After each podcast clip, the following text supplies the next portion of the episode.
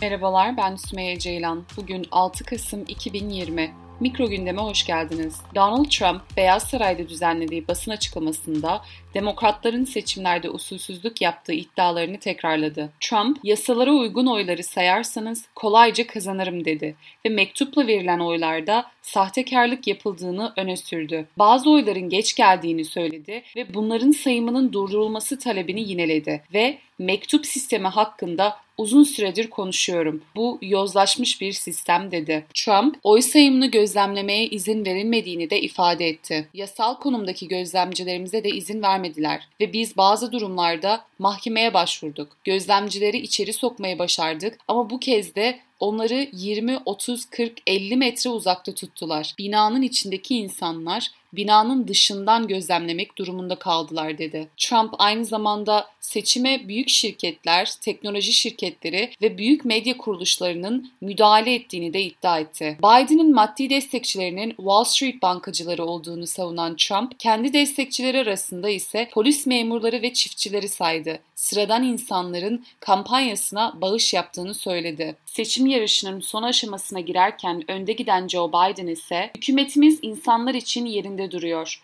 Başkanlığı kazanmak için gereken 270 delegeye ulaşacak kadar eyaleti kazanıyoruz. Bizler kazanmaya çok yakınız. Kazandık demiyorum. Çattan oldukça memnunuz. Senatör Harris ile kazanacağımızdan hiç şüphem yok. Bu yüzden herkesten sakin kalmasını istiyorum. Süreç işliyor, sayım tamamlanacak ve çok kısa sürede sonucu göreceğiz dedi. Biden, Twitter'dan yaptığı açıklamada kimse demokrasiyi elimizden alamayacak. Ne şimdi ne daha sonra ifadesini kullandı.